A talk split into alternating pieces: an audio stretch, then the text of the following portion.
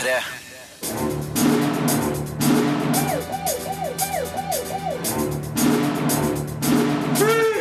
Filmpolitiet! What's your name, dude? Uh, Birger Vestmo. What kind of stupid name is that? I dag anmeldes to premierefilmer. The Man from Uncle er stilig spionaction med retrofølelse fra regissør Guy Ritchie. En natt i Berlin er et vågestykke av de sjeldne, filma i én en eneste tagning. Og Blu-ray og DVD-aktuelle Cobain, Montage of Heck, er et brutalt intimt møte med mannen bak myten. Tre spill skal under lupen. Det nye Madmax-spillet er postapokalyptisk action for all med sans for neva og nitro. Trine 3, The Artifacts of Soul, er underholdende hjernetrim i et vakkert spillunivers, og du får førsteinntrykk av storspillet Metal Gear Solid 5, Phantom Pain. Fra seriefronten anmeldes to av sommerens store overraskelser fra USA.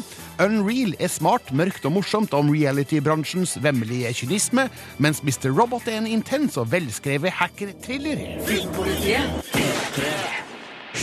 Filmpolitiet anmelder film. Your tracker's not sending a signal. Do you want to check it? Be my guest. What are you doing down there? Trying not to get lost. I'll turn it on now. The Man from Uncle er basert på en TV-serie fra 1960-tallet som få nordmenn har sett. Men regissør Guy Ritchie introduserer oss for et miljø som virker velkjent. Her får vi stilisert action fra en fasjonabel spionverden, med mye penger, nydelige mennesker og en fargesprakende glansbildeversjon av 1960-tallet med sterk retrofølelse. Det her kan knapt kalles nyskapende, historien er tynn, og figurene i filmen drukner litt i det overdådige formspråket. Men The Man from Uncle har en underholdningsverdi som ikke kan fornektes. We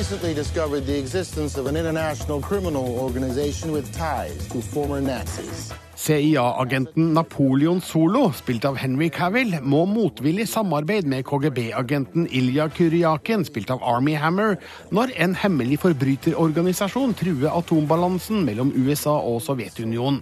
De må finne en vitenskapsmann som er sentral i plottet, og forsøke å spore han opp gjennom dattera Gabby, spilt av Alicia Vikander. Dette blir starten på et farlig oppdrag der alle tre har hver sin skjulte agenda. America teaming up with Russia. That doesn't sound very friendly. Den her stadige tautrekkinga mellom de tre hovedfigurene gjør historien morsom og uforutsigbar. Alicia Vikanders karriere er i en eksplosiv fase, og hun gjør kanskje sin tøffeste og filmens beste rolle som gatesmarte Gabby. Både Cavill og Hammer er store, kjekke karer og spiller med den rette miksen av skjemt og alvor, sjøl om det skal sies at begge er en smule glatte og anonyme. Men trekløveret fungerer godt i en florelett actionfilm som det her er. Regissør Guy Ritchie har liksom ikke greid å matche sine to første knallfilmer, Lockstock and Two Smoking Barrels og Snatch. Det gjør han heller ikke nå, men The Man from Uncle er like underholdende og stilsikker som de to Sherlock Holmes-filmene han har gjort med Robert Downey jr. og Jude Law. De uunngåelige James Bond-parallellene er tydelig flagga i filmens morsomme skildring av farlige spioner i kald krig. 60-tallsestetikken blir glorifisert litt på samme måte som i Austin Powers-filmene, men de halsbrekkende actionscenene er definitivt av 2000-tallstapning. Do uh, Den største svakheten ved The Man from Uncle er en litt kjedelig historie som føles underordna filmens visuelle lekkerheter. Man bryr seg lite om forbryterne og deres atomplott. Men Guy Ritchie ror det hele i land med oppfinnsom action, stilig formspråk og et akseptabelt trekløver i sentrum. Om det blir en serie filma av det her, er jeg derimot litt usikker på. Agent, you're not having a very special day, are you? Terningkast fire. Les mer om film, spill og serier på p3.no Filmpolitiet. Filmpolitiet anmelder spill.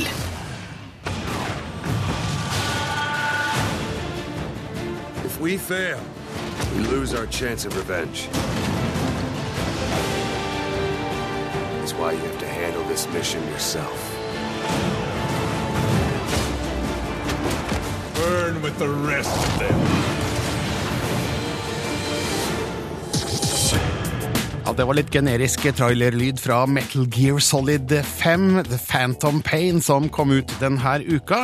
Men eh, hvorfor skal du ikke anmelde, Marte? For det skal du ikke. Altså, Birger, jeg har spilt og spilt og spilt, og jeg satt oppe til klokka halv fem i natt og spilte Metal Gear Solid, men det spillet her er rett og slett så svært at jeg vil ha litt mer tid på meg før jeg kommer med min endelige dom, altså. Ja, Så det her er ingen anmeldelse, det her er førsteinntrykk, rett og slett. Ja, det er rett og slett et eh, førsteinntrykk, og eh, det er jo et godt førsteinntrykk, må jeg si. Altså, eh, Metal Gear Solid-serien, det, det er jo en kjempelang serie. Den første spillet kom jo i 1987, eh, og er en anerkjent spillserie som har veldig mange gode spill i seg.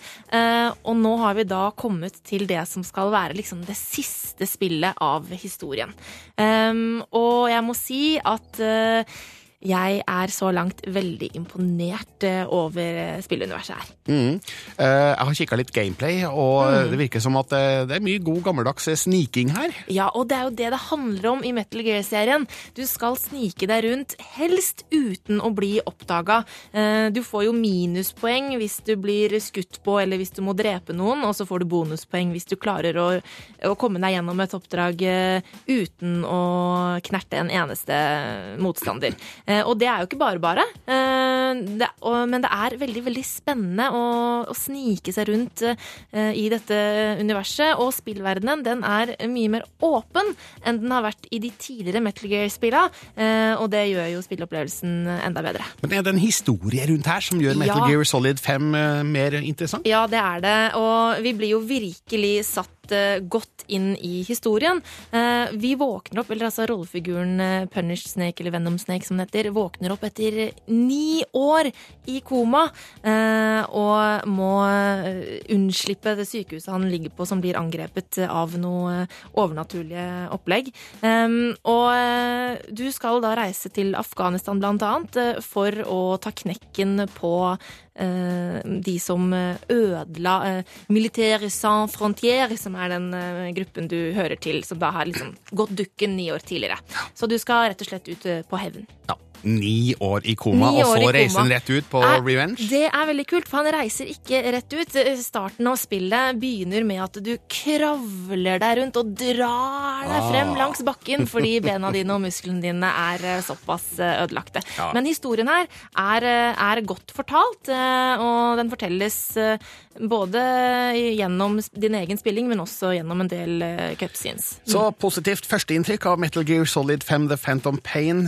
Hvor mye må du spille før du kan komme med den endelige anmeldelsen, tror du? Ja, altså, jeg må spille en god del i helga, og så skal vi se på mandag, da, vet du. Takk, Marte Hedenstad. Dette er Filmpolitiet på P3. P3. I studio nå sammen med meg, Marte Hedenstad og Sigurd Vik. Hallo! Og vi skal si, som jeg sa i sted, pene ting om Wes Craven. For eh, horrormesteren eh, døde på søndag, 76 år gammel, natt til mandag norsk tid. Eh, Mannen bak en rekke klassikere innen eh, skrekk- og horrorsjangeren. Eh, Men vi var kanskje litt unge, alle vi tre, da han slo gjennom på 70-tallet med, med Last House on the Left og The Hills Have Eyes. Ja, vi var veldig unge, var så unge at- oss. ikke var født. øh, Så, så det, men det er jo mulig våre foreldre ble vettaskremt. Og, og det er jo øh, sånne filmer som man, som man kliner til. Så kanskje noe unnfangelse takket være West Craven. Hva Jeg jeg tror kanskje ikke det, da, men okay, han utmerka okay. seg med harde, brutale mm. eh, voldsfilmer som selvfølgelig ble totalforbudt i Norge. Eller jeg vet ikke om noen distributører har turt å prøve å ta dem inn hit en gang. jeg. Eh, men eh, det store kommersielle gjennombruddet på verdensbasis kom i 1984 med den her. The kids of Elm Street don't know it yet, but something is coming to get them. There's something out there, isn't there? Where are you? From Wes Craven, director of The Hills Have Eyes and Last House on the Left, a new masterpiece in fantasy terror. Nightmare on Elm Street. Elsker den voiceoveren her. Ja. Altså, hvem, glemme, hvem kan glemme Freddy Krüger? Det går ikke an. Det går ikke an. Og hvis du lukker øynene dine og prøver å glemme den, vet du hva den gjør da? Nei. Da dukker den opp. I drømmene dine! Men der skapte West Craven en ekstremt minneverdig figur, da, sammen med Robert Englund som spilte han, og uh, satte i gang en serie som skulle vart eh, over, over ti år. Ja, jeg husker på videokiosken i bygda der jeg vokste opp, så var A Nightmare on Elm Street Den, had, den, den sto der og, og liksom Skein av skrekk og avsky. Det var den skumleste filmen jeg kunne tenke meg. Og jeg sneik meg selvfølgelig til å se den altfor alt for, alt for tidlig. Jeg skulle aldri ha gjort det. eh, Men, eh, og, og eh, paid the consequence. Altså, den, den står som ei påle i ting som har skremt meg noe voldsomt. Ja, faktisk var A Nightmare on Elm Street en av de fire første filmene jeg kjøpte på VHS, den gangen det plutselig gikk an å kjøpe film, for det gikk ikke an før. Ah. Sammen med The Terminator, The Thing og Fright Night. Og så var det Nightmare on Elm Street. da. Så eh, En fantastisk eh, film som eh, har inspirert eh, flere senere horrorfilmskapere. Og så returnerte han jo til dette universet med West Cravens New Nightmare i 94. og han, han skrev om reglene på hva som gikk an i, i, i horrorfilm, eh, og dette var jo en metafilm der Wes Craven spiller seg sjøl, og Heather Langenkamp, stjerna fra den første N Street-filmen, spiller seg sjøl, og de skal lage en ny film, og Freddy Krüger kommer og lager et helvete for, for filminnspillinga, så det var en, en skikkelig metaopplevelse. Men det som kanskje folk i nyere tid husker aller best, det er jo Skrik-filmene. Det var jo da jeg oppdaga West Craven, i en alder av sånn elleve år. Mm. Uh, og, uh, og, og det, jeg følte at Skrik-filmene det var på en måte noe som gjorde Henta frem slasher-sjangeren igjen og gjorde det populært igjen. Og, uh, og det som også var så fint med at jeg oppdaga Skrik da, som jeg digga selvfølgelig, var at da oppdaga jeg samtidig de gamle filmene, Mm. som Nightmare on Elm Street og ja. Men det mest unike med Skrik-filmene er jo at figurene i disse filmene refererer til andre horrorfilmer. De kan reglene fra, fra sjangeren og bruker dem eh, ja, eh, for, å, for å overleve, rett og slett. Ikke sant? Du vet at aldri gå uh, alene og aldri si 'I'll be back'. Uh, da går Be det right ille. I'll be right back. Yeah. be right I'm back. just going to go out in this dark corner. Men det er jo det som er så fint med, med mye av det Wes Craven gjør, og spesielt skrekkfilmene, var jo at det, det er jo horror, og så er det komedie, og det er kule ting. Altså, det er flotte figurer som er litt sånn der folk du gjerne skulle ha vært venner med på high school. Altså, det er litt high school-film, litt uh, vovet innimellom, Uh, og, og nei, det er en herlig blanding av alt. Og så er det genuint skummelt uh, innimellom slagene, og det er jo det som gjør at det er nydelige grøss å få der. Så vi takker Wes Craven for eh, alt det herlige, morbide, skremmende, skumle, morsomme han har uh, laga. Og skrikmaskene. Ikke Og glem skrikmaskene. Ikke minst skrikmaskene, så nå i helga så kan vi ta en Skrik 1-4 maraton, kanskje. Og så tenker vi fine ting om West Wes Craven, som altså da døde siste søndag, 76 år gammel. Filmpolitiet.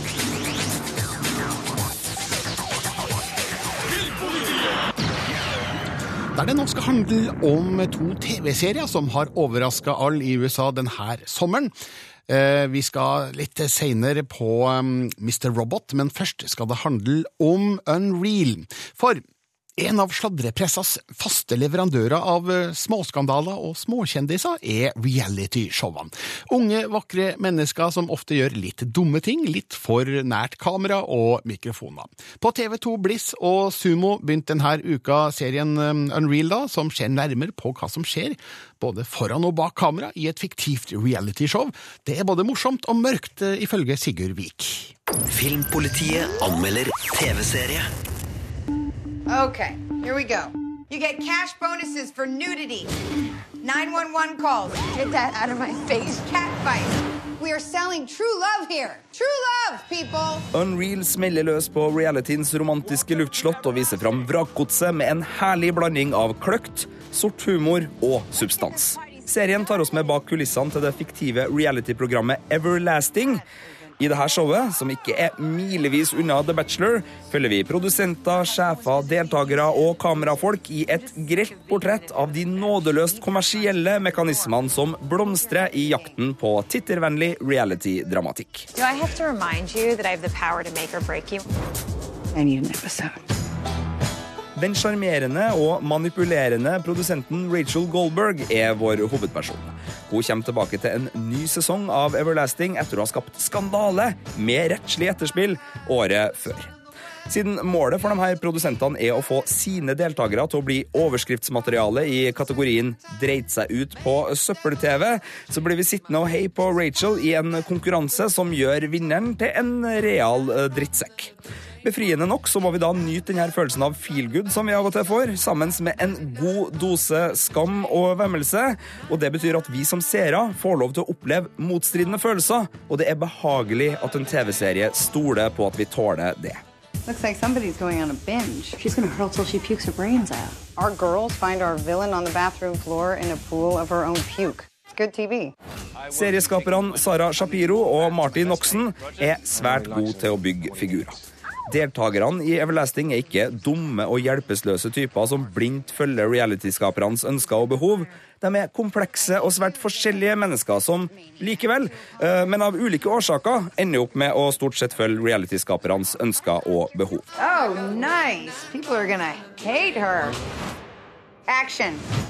Det er en fryd å følge Sherry Appleby som den tidvis samvittighetsplaga produsenten Rachel Goldberg. Hennes talent for å skape uro og dramatikk spilles ut som både hennes superkraft og hennes kryptonitt, og i den dualiteten henter serien mye av sin styrke. What, so?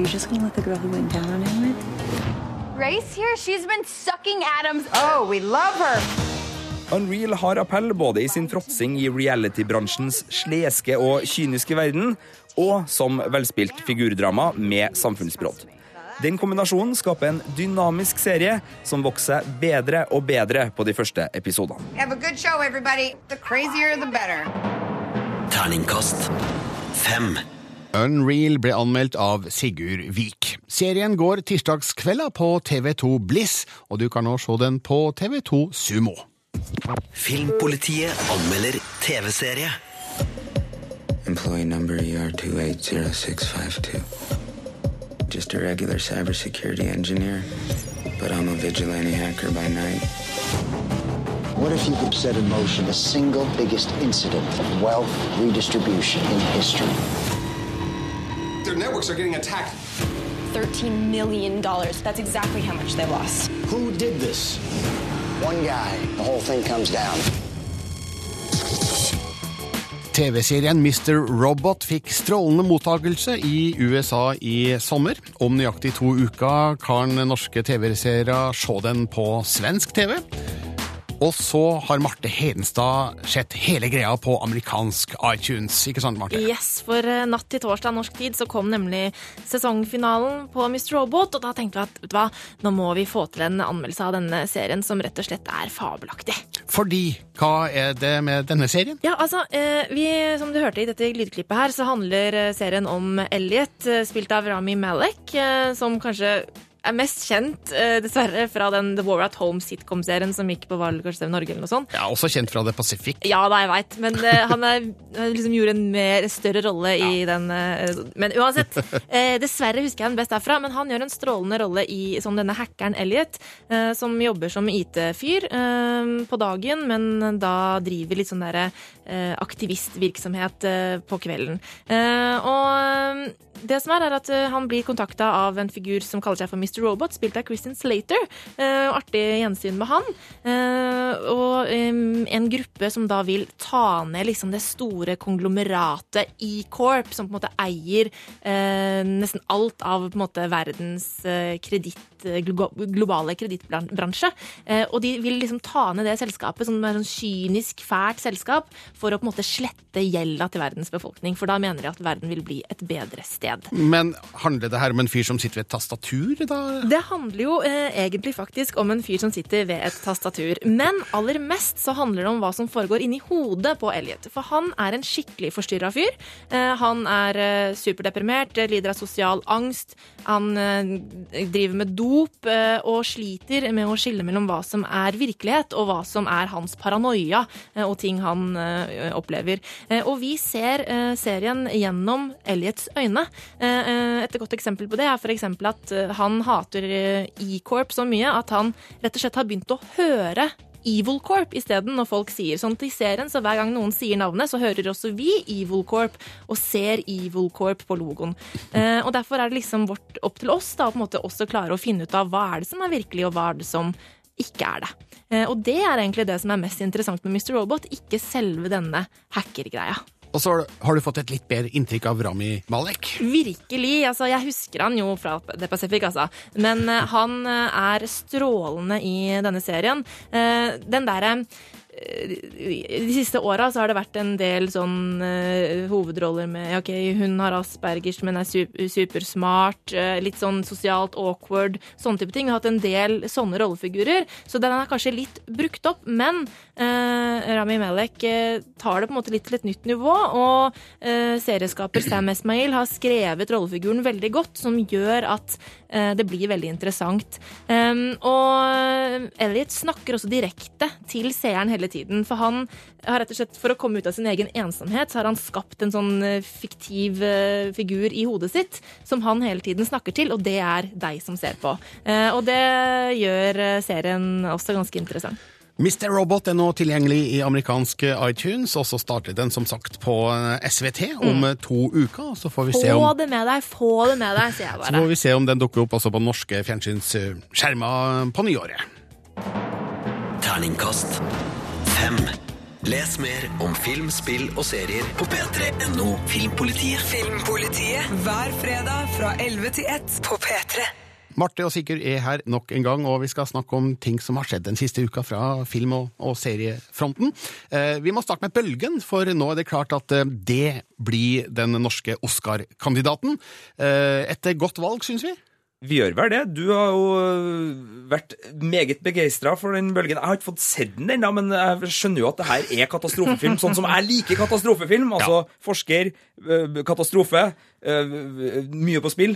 Elsker det. Og så er det vel kanskje det mest hollywoodske som vi har produsert her til lands ja. i år? Det er en stor, bred underholdningsfilm mynta på et svært bredt publikum, og det gikk jo bra. Det med Kon-Tiki for to år siden, den ble jo nominert til Oscar, og så får vi se om Bølgen har de rette kvalitetene. Skjønt det som taler litt imot, er at eh, katastrofefilm det er jo en sjanger Hollywood eh, har god erfaring med, men kanskje ikke trukket frem veldig ofte i Oscar-sammenheng. Ida, The Great Beauty, Amour, uh, Separation, Hevnen er de siste vinnerne av uh, Oscar for beste utenlandske film. Ingen er uh, katastrofefilmer. Nei. Nettopp. Um, Game of Thrones skal vi over til, for danske Pilo Asbæk, kjent fra TV-serien Borgen, han har fått en ny rolle i Game of Thrones, og da setter vi over til deg, Marte Henstad. Og jeg eh, liker Pilo Asbæk så godt. Jeg eh, anmeldte jo eh, den filmen han spilte i 2013, 'Kapringen', til terningkast fem.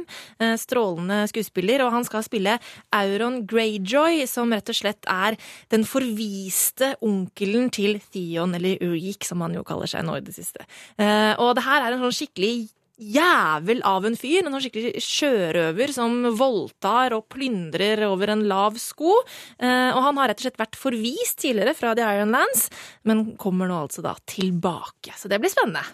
Nå er det også kjent at eh, Tre nøtter til Askepott, den eh, legendariske tsjekkiske filmen fra 1973, skal få en norsk nyinnspilling.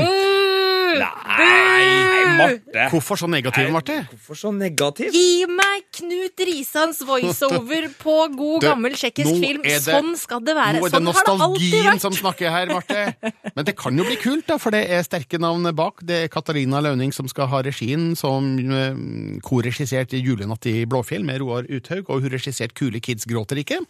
Eh, produsentene av 'Hodejegerne' og 'Pioner' eh, står bak. og... eh, Det er bra folk, det skal Det er bra Jeg folk, så vi må gi dem en sjanse her. Det kan jo bli magisk. Ja, det kan men, det. Og, og det er jo ingen som hindrer oss i å høre Askepott uh, på. Men, men om den tar over i formiddagsjuleforberedelsene til folk, det gjenstår jo å se, men, men spennende. Ja, og den skal spilles inn nå til, til våren, eh, forhåpentligvis med snø, og få premiere Det står vinteren 2016 slash 2017 i notatene fra eh, Norsk Filminstitutt, så eh, vi, vi får tro at det blir en julefilm. Jeg tenker en desemberpremiere. Første juledag, kanskje? Første juledag. Ja. Jeg ønsker meg Eili Harbo som eh, Askepott, og Jonas eller Jakob Oftebro som prinsen, kanskje. Hmm. Og så eh, Anne-Marit Jacobsen som eh, den slemme stemora. Hvor har du tenkt å plassere eh, finnmarkingen vår? Hvem tenker du på da? Da tenker jeg på øh, Å, nå sto det helt stilt. Sjølveste Bjørn Sundquist. Hvor skal Bjørn Sundquist inni her? Han er kongen. Han er kongen. Han er Er det kongen, Mm. Ok, det er kongen. Ja. Eh, til slutt, Benicio del Toro, han blir skurk i Star Wars nummer åtte. Det har han, det har han bekrefta sjøl nå. Ja, hvis vi, hvis vi tolker den eh, spanske oversettelsen riktig, så er han uh, I'm like the villain, but we'll see. Har Benicio del Toro sagt på spansk. Oversatt uh, til engelsk via Slashfilm får vi det her. Så, så en, en slags skurkerolle kan vi anta at han får i episode åtte. Er det noen som gleder seg til Star Wars episode sju her? Ja! Kommer det til å bli noe bra? Dette er Filmpolitiet på P3. Og vi skal over til en helt. I dag er det nemlig release på spillet Mad Max for Linux, Windows, Xbox One og PlayStation 4, og det blir anmeldt av Daniel Guanio. Filmpolitiet anmelder spill. I never asked you your name. Max. My name is Max. Jeg var ikke alene om å bli fullstendig bergtatt da Mad Max Fury Road gikk sin seiersgang på norske kinoer i år. Nydelige analoge rekvisitter, heftig koreografert action og en gyselig postkatastrofal setting sikret George Millers comeback en permanent plass i et dundrende filmhjerte. Når spillutvikleren Avalanche Studios i franchisen et forsøk, skaperen bak åpen verdensspillene Just Cause 1 og 2, er med andre ord fallhøyden stor. Mad Max er riktignok ikke knyttet opp mot filmen, men snarere basert på Mad Max-universet i sin helhet. Resultatet er en grovkornet actionfest for alle med sans for never og nitro. His war boys are rabid animals. Og det er på mange måter landskapet som sitter i førersetet når Mad Max girer opp på konsoll. Her er gylne sanddyner dandert med tjukk røyk, marmor og granitt, omkranset av en dyperosa solnedgang som står i sterk kontrast til alt det barbariske som foregår under den. Som i filmen starter historien med et bakholdsangrep der Max ble etterlatt til gribbene, men på mirakuløst vis kjemper seg tilbake til livet. Det går ikke lange tiden før han stifter bekjentskap med den snåle mutanten Chumbucket, som viser seg mer enn behjelpelig med å skaffe Max det han trenger mest. En kampdyktig kjerre. Where is the car? Your black on black is scrap. It's gone. She'll never be whole again. Den overordna handlingen setter Max og Chumbucket i møte med en rekke tvilsomme sjeler, med bensinparadiset Gastown som sluttdestinasjon. Den fungerer fint som bakteppe for selve spillingen, men engasjerer ikke på det indre plan. Stemmeskuespillet er riktignok jevnt over middels, uten at karakterene blir noe annet enn kulisser av den grunn. I et spill der hovedaktiviteten er bilkjøring og nevedenging, er heller ikke det hovedproblemet. Mye står derimot og faller på kjørefysikken til Magnum Opus, hovedpersonens pent titulerte farkost.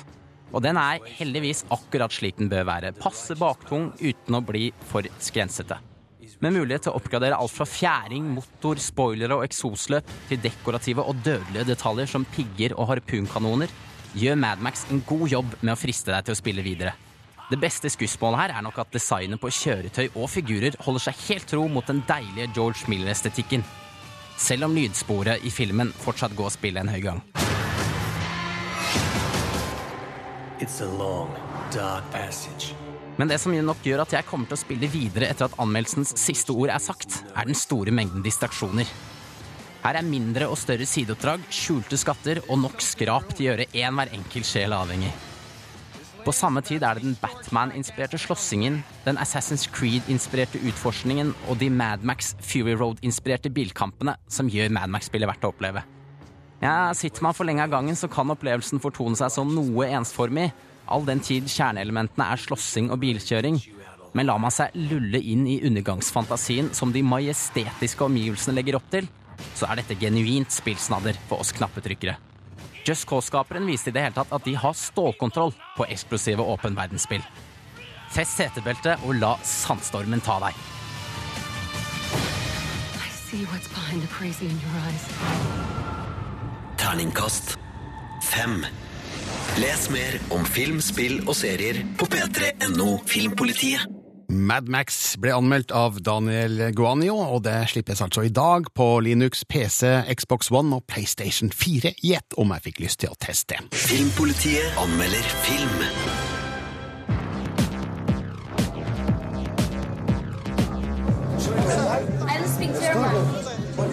Now? I'm leaving. Irgendwann gehört der Club uns. En natt i Berlin er et enestående vågestykke av de sjeldne.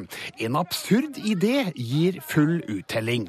Hele filmen er nemlig innspilt i én tagning på to timer og 20 minutter.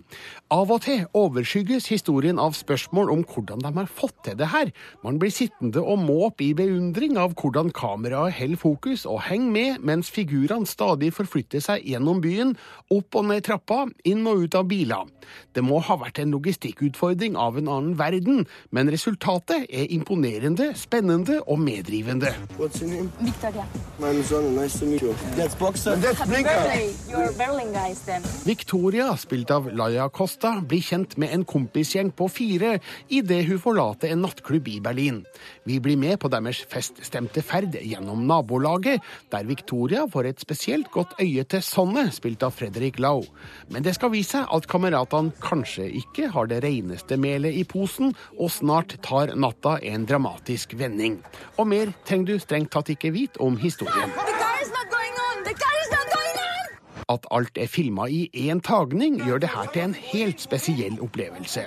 Det er umulig å si hvordan filmen ville ha vært som en rekke redigerte scener, men som én sammenhengende sekvens blir man sugd mer inn i handlinga. Atmosfæren virker mer realistisk, vi kommer nærmere figurene. Det fins flere strekk som nok ville ha vært stramma inn i en normal film, derav den forholdsvis lange spilletida, men intensiteten holdes godt ved like i filmens siste del, og det blir aldri kjedelig. Please, can, can you help us? Okay, Yeah? no. En natt i Berlin ble innspilt tre ganger. Tanken var å redigere den som en vanlig film om det ikke fungerte, men den tredje tagninga var en suksess. Den norske fotografen Stula Brandt Grøvlen har mye av æren, og vant en sølvbjørn i Berlin for jobben. Gjennom hele tagninga er han våkent med, og er registrert ikke et eneste øyeblikk der kameraet ikke hang med eller mista fokus på figurene. Den modige regissøren Sebastian Schipper må ha vært fornøyd med valget av fotograf til sitt eget galskapsprosjekt. Schipper og staben har løst flere nærmest umulige logistiske utfordringer for å fortelle en sammenhengende historie. Skal det helles litt malurt i begeret, kan man nok spørre seg om Victorias valg ca. midtveis i filmen er særlig troverdig. Er hun virkelig villig til å risikere så mye for noen hun har kjent i en time? Men filmens briljante fortellerteknikk og skuespillernes intense rolletolkninger feier all tvil til side. En natt i Berlin er en berusende filmopplevelse. Definitivt modig og annerledes. Slike filmer trenger vi. I'm glad to be here in Berlin. Terningkast fem. Les mer om film, spill og serier på p3.no Filmpolitiet. Nå skal det handle om eh, dataspill og eh, eventyrspillet Trine 3, The Artifacts of Power, som har vært ute en stund, og som Marte Henstad nå endelig har fått eh, testa til en anmeldelse. Filmpolitiet anmelder spill. The three heroes of our story. Once upon a time, they had all lived ordinary, unremarkable lives. Trine 3, The Artifacts of Power, er en særdeles underholdende spillopplevelse som absolutt ikke gjør skam på de to første spilla i Trine-serien. Dette er et vakkert og godt eventyrspill, selv om det også har et par irriterende svakheter. The Artifact of soul. How, uh, nice of you to join me. Nok en gang blir våre tre motvillige helter, ridderne Pontius, magikeren Amadeus og tyven Soya, samlet inn av den magiske gjenstanden Trine for å renske kongeriket for ondskap. Men i et forsøk på å kutte sine bånd med Trine, for de har jo tross alt bedre ting å drive på med enn å redde verden, så går artefaktet i tusen knas. Ondskap fanget av Trines magi flommer nå over riket. Så da må våre tre helter redde verden likevel. It's a bit tiresome to put all your life on hold because of a magical candle stand. Spillet plukker opp handlingen etter Trine 2, men du må ikke ha spilt de første spillene i serien for å henge med. Eventyret er sånn passe engasjerende, men slutter uten en ordentlig avslutning på historien. Trine-serien er hjernetrim i en fargerik eventyrinnpakning, og det kan være en real hjernetvister å finne ut hvordan man kommer seg gjennom brettene. Ikke minst hvis du absolutt må ha med deg alle samleobjektene i spillet, sånn som meg. Denne gangen er det et 3D-landskap istedenfor 2D du beveger deg i, og som i de tidligere spillene kan du bytte mellom de tre forskjellige rollefigurene når som helst. Noe som også er nødvendig for at du skal klare å forsere brettenes mange hindringer. Pontius, Amadeus og Soya har forskjellige egenskaper. Og siden spillet tvinger deg til å skifte mellom rollefigurene hele tida, får du en dynamisk og variert spillopplevelse som aldri blir kjedelig.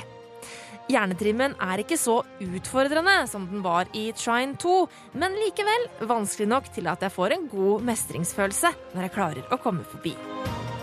Trine 3 er et virkelig vakkert spill. Spillbrettene tar deg med gjennom alt fra tropisk øylandskap, jungel, ruiner og magiske slott, og spillverdenen ser bedre ut enn noensinne. Omgivelsene er mer detaljerte enn de har vært i serien tidligere, og også figuranimasjonene har fått en oppgradering. At det ikke går an å kontrollere kameravinkelen selv, er imidlertid et skår i gleden. Det ble av og til litt knotete å bevege seg rundt i landskapet fordi kameraet var låst i én spesiell vinkel. Slike problemer drepte likevel ikke spillgleden Shine 3 lokker frem, for spillet er rett og slett en svært fornøyelig opplevelse. Terningkast fire. Dokumentarfilmen Cobain Montage of Heck er nå tilgjengelig på Blu-ray, DVD og iTunes, og er anmeldt av Sigurd Vik. Filmpolitiet anmelder film. I was underdeveloped, immature little dude that never got laid.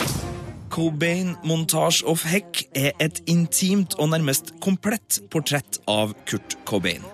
Med velplassert bruk av gullkorn fra Nirvana-katalogen, hjerteskjærende beretninger fra ei plaga tenåringstid og noen skittenvakre tidsreiser tilbake til grunchens barndom. Nydelig satt sammen av regissør Brett Morgan til en kronologisk og svært personlig historie. Who are you? Who are you, Kurt? I'm Kurt Cobain. Yay!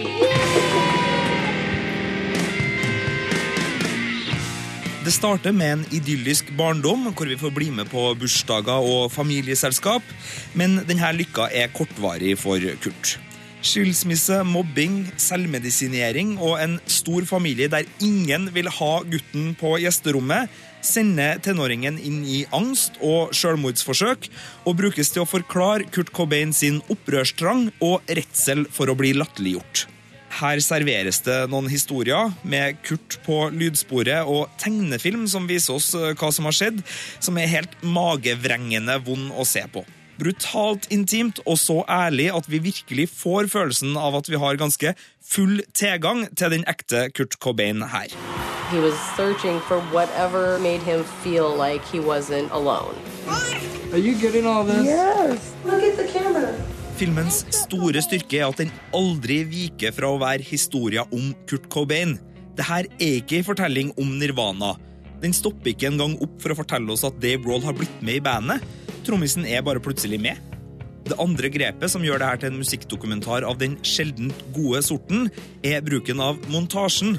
Med ei stilsikker og presis hånd styrer regissør Brett Morgan oss gjennom hjemmevideoer, notatblokker fra ungdomstida, rørende intervju med en samvittighetsplaga stemor og aldeles usensurerte og ganske avslørende bilder som Kurt Cobain og den ofte toppløse kona Courtney Love sjøl har filma i sitt eget hjem.